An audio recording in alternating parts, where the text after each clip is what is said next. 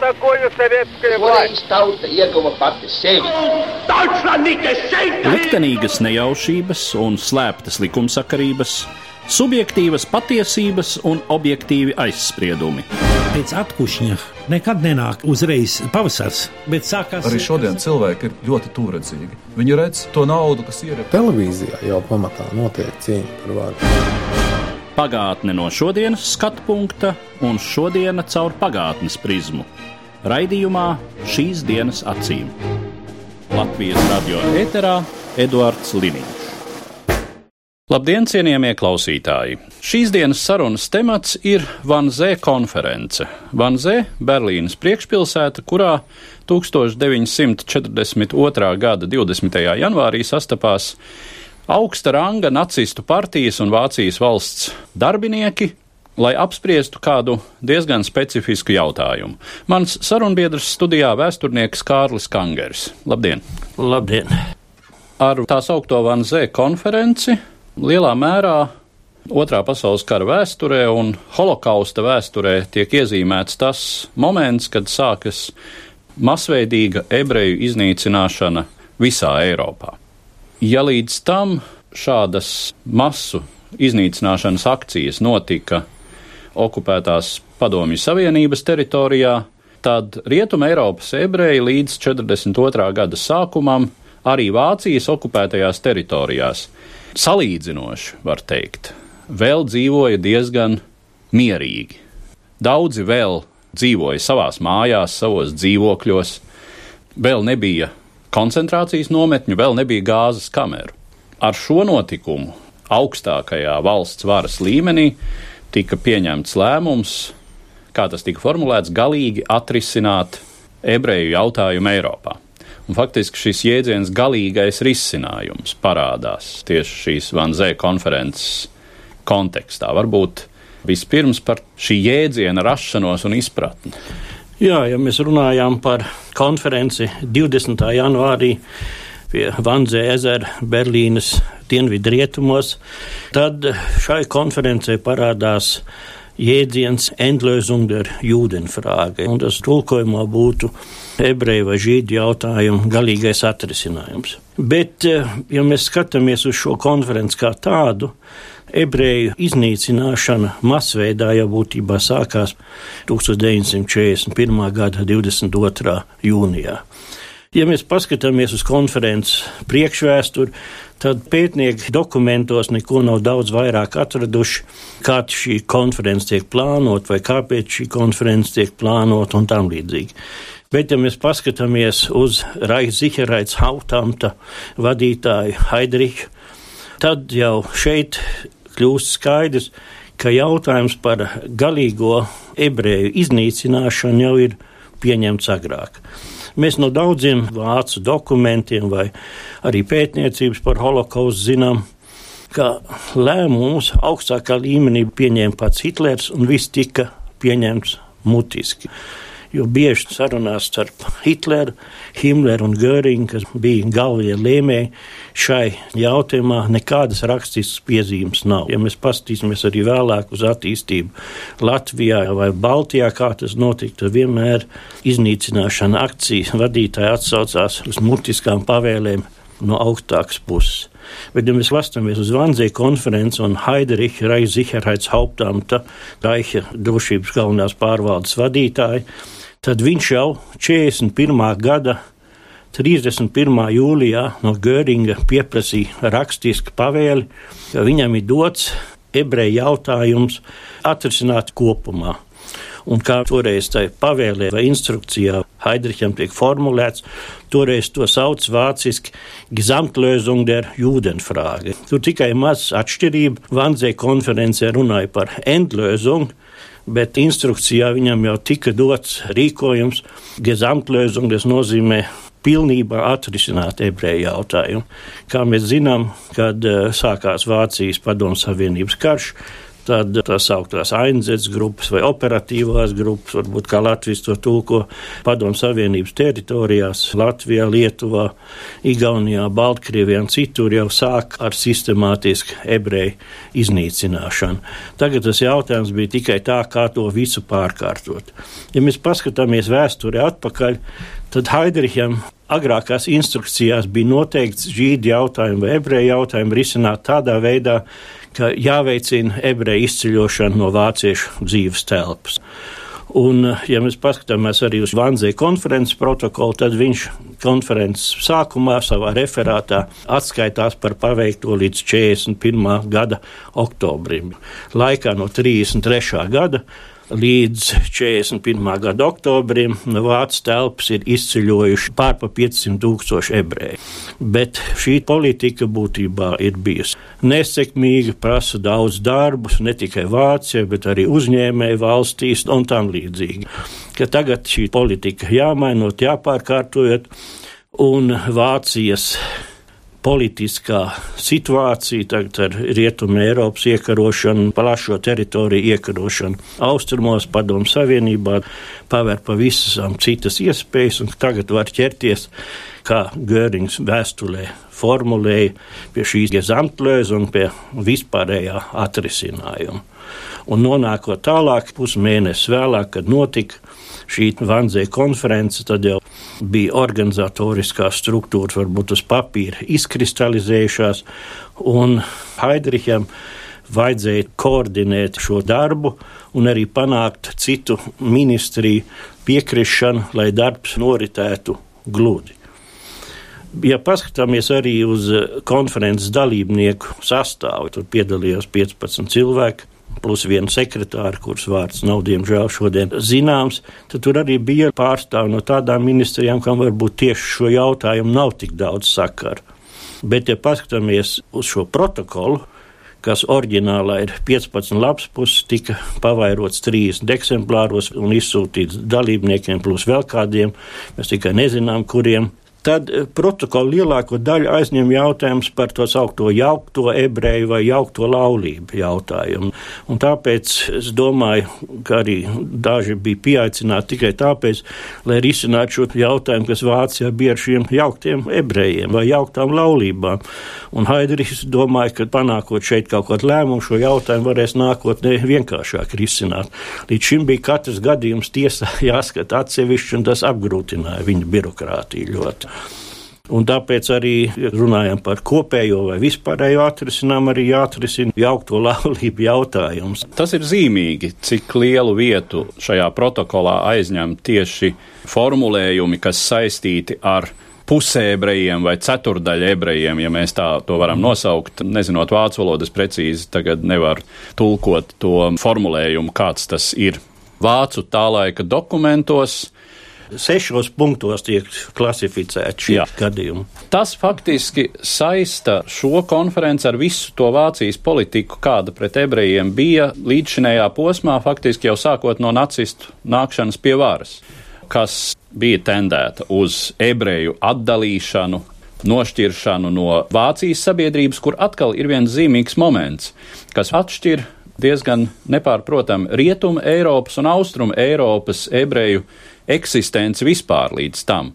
Jo šī dzīvošana geto, šī salīdzinoši nošķirtā kopienu dzīve tomēr vairāk bija raksturīga ebrejiem Austrum Eiropā, kur pretī Rietum Eiropā un arī Vācijā tā skaitā ebreju un neebreju līdzās eksistence un taiskaitā arī kopdzīve un jauktās laulības bija daudz izplatītāka prakse. Nu, un tad šeit arī, protams, parādās šī nepieciešamība noteikt, kurš ir attiecīgi no rases viedokļa pieņemams un nav pieņemams palikšanai vācu dzīves telpā, kā tas tiek formulēts. Tā ir faktiski visa tā teritorija, kas tobrīd ir iekļauta tā sacīt Reiha pamatteritorijā, un arī varētu atgādināt, ka tās ir teritorijas, kas aptver pašreizējo Vāciju, pašreizējo Polijas rietumu daļu, kādreizējās vēsturiskās Vācu zemes, Austriju, Sloveniju un Tad ir jautājums par tā saucamo protektorātu. kas ir Čehijas centrālā daļa, tātad Čehu apdzīvotās zemes,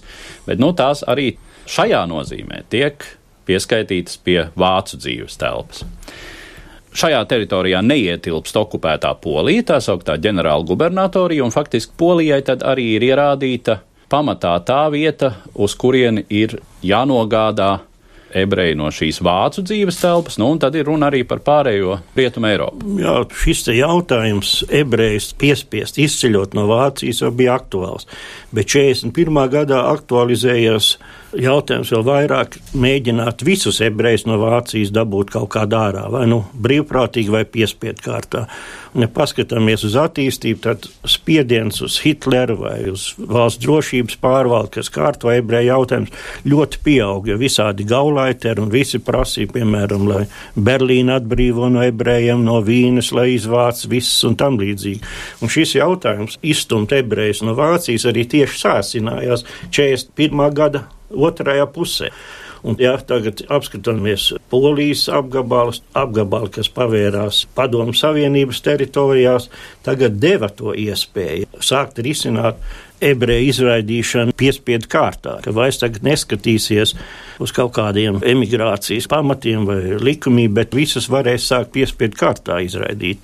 Un tas jau arī parādās lēmumies 41. gada, ka sāk deportēt ebrejus uz austrumiem. Arī Latviju mēs zinām, ka jau sāka 40 gada novembrī jau pienākt pirmie vilcieni no Vācijas pilsētām ar ebrejiem. Pusgadā vēl kādi 25 tūkstoši nonāca Latvijā, tāpat uz Lietuvu deportēja un uz Baltkrieviju.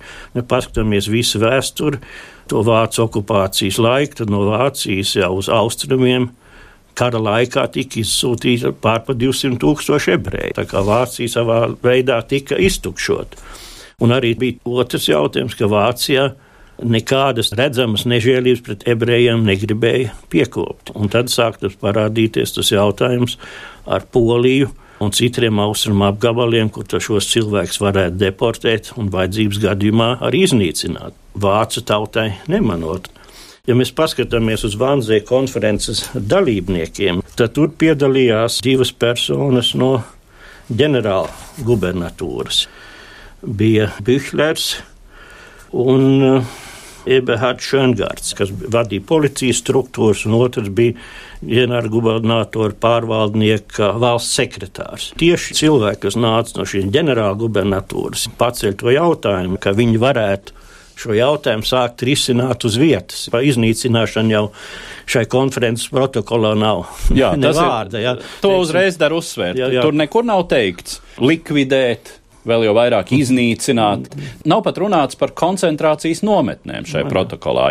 Un tā retorika izklausās ļoti humāna salīdzinoši, zinot lietas būtību. Nu, jā, jā, bet arī tiek uzskaitīts ebreju skaits Eiropā, tad jau arī ir skaidri pasaka, ka tagad izceļošanas vietā ir sākusies ebreju evakuēšana uz austrumiem. Un tā evakuēšana atkal nozīmē ebrejus koncentrēt austrumos geto vai kaut kādās pārejas punktos, no kuriem tā vēlāk virzība gāja tālāk uz koncentrācijas nometnēm. Un tā arī neapšaubām pirmās koncentrācijas nometnes, kurās sākās ebreju masveida iznīcināšana, ir Polija. Vispirms Helmo, un tad tika uzceltas Srebrenica, Belzeka un Treblinka, kurām vēlāk pievienojās Aušvics. Un šai laikā nos... pazīstam arī kā Osvencim pēc jā, polijas nosaukuma. Un šeit tad sākās tā masveida iznīcināšana, pielietojot gāzi no sākuma. 42. gada sākumā vēl motoru dzinējiem indēja, bet tad 42. gada otro pusi jau bija tas ciklons B, atrasts vai izstrādāts gāzēšana ciklona B, un viss jau tad noritēja masveidīgi. Un, kā mēs zinām, tad daudz miljonus līdz kara beigām koncentrācijas, vai arī kā viņas daudzkārt sāk par nāves nometnēm, daudz miljonu ebreju gāja tieši šais nometnēs bojā. Ja mēs runājam tagad par šo konferenci un par citām valstīm, tad šai konferencē nebija ielūgts ārlietu ministrijas valsts sekretārs, bet valsts sekretāra vietnieks, kam bija darīšanas jau bijuši ebreju jautājumā. Un tad, ja apskatāmies valstis, tad Vācu ārlietu ministrija bija pārliecināta, ka lielāko daļu valsts varēs, kas ir vismaz vācu kaut kādā iespējas sfērē, viegli pārunāt, piekrist ebreju deportācijai no šīm valstīm uz austrumiem. Vienīgais bažas raisīja Dānija, Norvēģija, bet tur arī izteicās, ka tur tas ebreju skaits ir tik mazs, ka mēs šo jautājumu risināšanu varam atlikt uz vēlāk. Tāpat arī nedroši bija ārlietu ministrijas pārstāv pa Ungāriju. Tāpēc arī redzam, Ungārijas ebreju deportēšana tikai notika 44. gadā. Bija zināmās valstīs kaut kāda zināma pretestība, bet vispār ārlietu ministrija bija pārliecināta, ka no rietumiem šo deportāciju varēs izvest bez lielākiem traucējumiem. Ja mēs tagad atgriežamies pie Austrum Eiropas, Austrum Eiropa jau būtībā bija tas izmēģinājuma lauks, kā iznīcināt ebrejus. Un e, sākumā, ja mēs skatāmies, kā tās ainzves grupas darbojās, viņas jau nodarbojās ar masveida cilvēku šaušanu. Ja tas skaits vēl palielinātos, tad bija jāmeklē citi atrisinājumi. Tā šaušana bija dažkārt lēna, organizatoriski grūti izvedama, kā Himlers teica, ka pat šāvēji bieži nesot tam piemēroti, psihiski ciešot un tam līdzīgi. Tā kā meklē citas risinājumus, un tie tad arī radās ar tām sauktām koncentrācijas nometnēm un masveida iznīcināšanu. Ja mēs apskatāmies konferences dalībnieku sarakstā, tad no Latvijas piedalījās drošības policijas un SD komandieris Latvijā Lange. No sākuma bija paredzēts konferences rīkot 41. gada 9. decembrī jau, bet dažādu iemeslu dēļ nenotika. Daži pat min tādus argumentus, ka konferencē nevarēja notikt tāpēc, ka Langam bija tajā datumā jāpiedalās Rumbolas akcijā, ka viņam nesot laika bijis braukt uz Berlīnu. Bet izskatās, šis arguments nav tas galvenais, bet galvenais arguments noteikti ir pārmaiņas kara vešanā. Pirms Maskavas vācu karaspēks bija apstādināts, Krievi pārgāja pret ofenzīvē, tad Hitlers pieteica Amerikai karu. Un lielākā daļa šodien pētniecības doma nosveras to, ka konferences atlikšanas iemesli bija galvenokārt lielās problēmas, nekā kaut kāds cilvēks varētu atbraukt. Un, ja mēs paskatāmies protokolā, kā Lange tur ir ierakstīts, tad viņš ir drošības policijas un SD pārstāvis tikai. Eventuāli bija paredzēts varbūt lūgt štālekeri vai tam līdzīgi. Un, ja Štālekers bija operatīvās grupas A vadītājs, kurā bija pakļauta Baltija un ebreju iznīcināšana Baltijā. Un Štālekers ir tādā ziņā interesants cilvēks, ka viņš bija labs paziņa Haidriham un arī Štālekers, viņam bija strīdi ar Lozi 41. gadā, tad viņš vienmēr atsaucās uz augstāku pavēli, kas ir dot viņam visus ebrejus iznīcināt savā darbības teritorijā. Un te var arī iedomāties Vanzē konferenci, kur bija jāpārunā šie jautājumi, ka būtu bijis labi, ka ir klāt viens no štālekara cilvēkiem, kuram mutiski bija uzdots veikt iznīcināšanas akciju. Un, ja varbūt viņš pats nevarēja braukt, tad tika atsūtīts Lange, kā Latvijas komandieris. Bet to mēs īsti nezinām. Haidrichs un Raizihērēts Hautams strādāja tādā veidā, ka viņu rīcībai no vācu ministrijām nebūs nekāda iebilduma. Konferences beidzās, tad Haidrichs ar visiem konferences dalībniekiem novēla labu sadarbību. Un, kā mēs zinām, arī jau no iepriekšējā laika, jau no iebrukuma padomu savienībā, kad Ainzas grupēm nekādu konfliktu nebija. Ne ar Wehrmachtu, ne kaut kā citādi. Visi bija instruēti neiebilst pret Ainzas grupu darbību. Jo sākoties karam jau bija savā veidā starp Himleru un Wehrmachtu vienošanās, tas augtā komisāra pavēles izpildīšana sarkanā armijas komisārus apšaut, un arī armijas pretiniekus, un kā vienīgā grupa, kas skaitījās kā pretinieki, definēt arī tie bija ebreji. Viņi jau bija klasificēti kā grupa, kas tāpat kā komisāri iespējami ir iznīcināma. Tie ir tas moments, ka arī līdz karam pret Padomju Savienību visā nacistu propagandā un arī tajā, ko pats Hitlers raksta, Padomju Savienība tiek traktēta kā bolševiku un žīdu valsts. Šajā valstī žīdu ietekme esot īpaši liela. Un sākoties karam, arī tas vispārējais noskaņojums jau tad tiek konvertēts konkrētās pavēlēs par eh, ebreju masveidu iznīcināšanu. Te varbūt nav tāda pilnīga izpratne, kāpēc par Baltiju brīžiem ebreju iznīcināšanas sakarā ir tik sāsināta interese. Kāpēc tieši par mums runā kā par tādu īpašu gadījumu? Bet eh, tā nu tas, diemžēl, vēsturiski ir, ka Baltija ir zināmā mērā īpašs gadījums, jo tas sākās kopā ar Ukrainu un Baltkrieviju. Baltija ir tas reģions, kur šī iznīcināšana bija masveidīga un konsekventa pirmo reizi Eiropā. Un uh, arī konferences protokolā Igaunija, kas figurē ar skaisto apzīmējumu Judenfrei, kā vienīgā Eiropas teritorija piesauktā Igaunijā pirms kara ebreju skaits bija salīdzinoši neliels. 4000 apmēram. apmēram pusgadu pēc padomju vācu kara sākuma. Igaunijā ebreju vairs nav, un no apmēram 80 tūkstošiem Latvijas ebreju pirms kara sākuma ir Tad dzīvojos 3,5 tūkstoši, plus tie, kuriem ir izdevies aizbēgt vai kurus Staļins ir deportējis mm -hmm. uz Padomju Savienību. Ir jau holokausta teorijā par dažādām fāzēm, bet būtībā, ja mēs paskatāmies uz Latvijas teritoriju, jau tad uh, viss sākās daudz agrāk, masveidīgi un sistemātiski. Šeit mums nevajag aizmirst to Haidricha pašu piesaukto augstāko pavēli darīt to visu. Ir cilvēki, kas mēģina apšaubīt, ka Haideris tikai protestu vēstulē lauzēm lieloties, bet es domāju, ir jāpieņem tā, kā Štālekers pats saka, jo visa rīcība, kas notika Latvijā, bija tādā veidā. No sākuma ienāca operatīvās grupas pilsētās, mēģināja izveidot vācu grupas, kas nodarbotos ar pogromiem. Zinām, Jelgavā bija, Rīgā bija Arāja komanda, tad Valmierā un varbūt ar Liepānu citur arī varbūt izveidojās.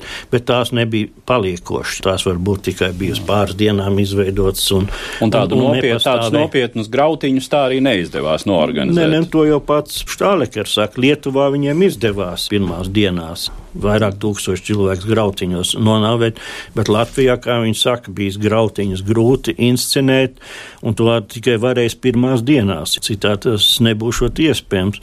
Cik no pirmiem ebreju upuriem tieši grautiņi, vai tā nevar pateikt, bet pirmā nedēļa apmēram pēc paša Štālikera ziņojuma, kad 700 ebreji tika nogalināti. Pats jau arī Štālikers raksta savās atskaitēs, latviešu vajag pamudināt uz šiem ebrejiem, bet tas jādara tādā veidā, ka nepaliek nekādas pēdas, ka tas ir darīts no vācu puses. Un nenolieksim jau ka latviešiem arī bija sava antizemīte, kas gribēja atriepties atkal pa bolševiku laiku un tam līdzīgi. Un tā arī nevajag aizmirst eh, vēlāk visu šo propagandas efektu. Minējāt par žīdisko bolševismu pirmās propagandas lapas, jau, kas tika Vācijā pirms iebrukuma nodrukāts. Tas jau tur tika deklarēts karš pret žīdisko bolševismu, ka žīdiskais bolševisms pie visa vainīgi un uz vietas tas ir ebreju personās. Tā kā visa te politiskā padomu sistēmas vaina tika uzvelta šais zemēs palikušajiem ebrejiem. Runājot par to, kas tad Latvijā notika un kāpēc tas notika tieši tā, nu mums vienmēr ir šis jautājums, kāda ir sabiedrības attieksme, latviešu sabiedrības. Ko tad latvieši šai sakarā domāja, kā viņi rīkojās? Un te ir tās tendences reducēt bieži vien uz to, ka šeit bija antisemītiska atmosfēra. Otra tendence sacīt, ka ebreji bija salīdzinoši lielā skaitā iesaistīti tiešām dzīves sovietizācijā un tā skaitā padomju represijās un noziegumos pret Latvijas iedzīvotājiem baigajā gadā. Droši vien, ka mums ir jāsaprot, ka te bija tāda faktoru sakritība. Ka, protams, Latvijā bija antisemīti, bet nekādā ziņā nevarētu teikt, ka šis antisemītisms bija daudz vairāk izplatīts nekā jebkurā citā Eiropas teritorijā, vai ka šis antisemītisms būtu bijis īpaši agresīvs šeit. Jo tātad vēlreiz šos grautiņus neizdodas tā īsti norganizēt tādā masveidīgā līmenī. Protams, daudzi latvieši bija tendēta atrast vainīgos padomi noziegumiem.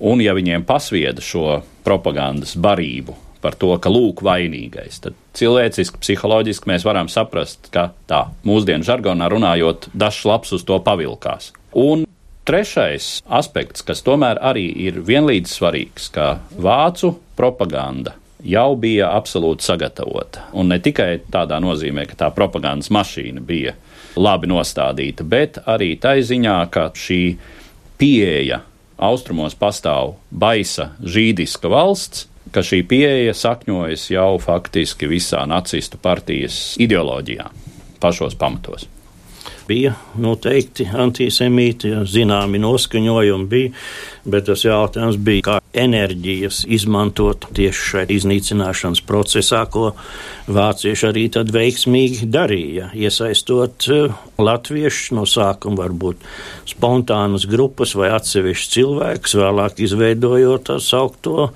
drošības palīgu policiju vai arī kā pazīstam tautā ar nosaukumu Arāja komanda. Tā iznīcināšana tika veikta sistemātiski likvidējot vai no mazākos geto, Daugaupilī vai citur, vai arī sistemātiski iztīrot visus laukus Latvijā, un kā pēdējais nāca klāt Rumbuls akcija.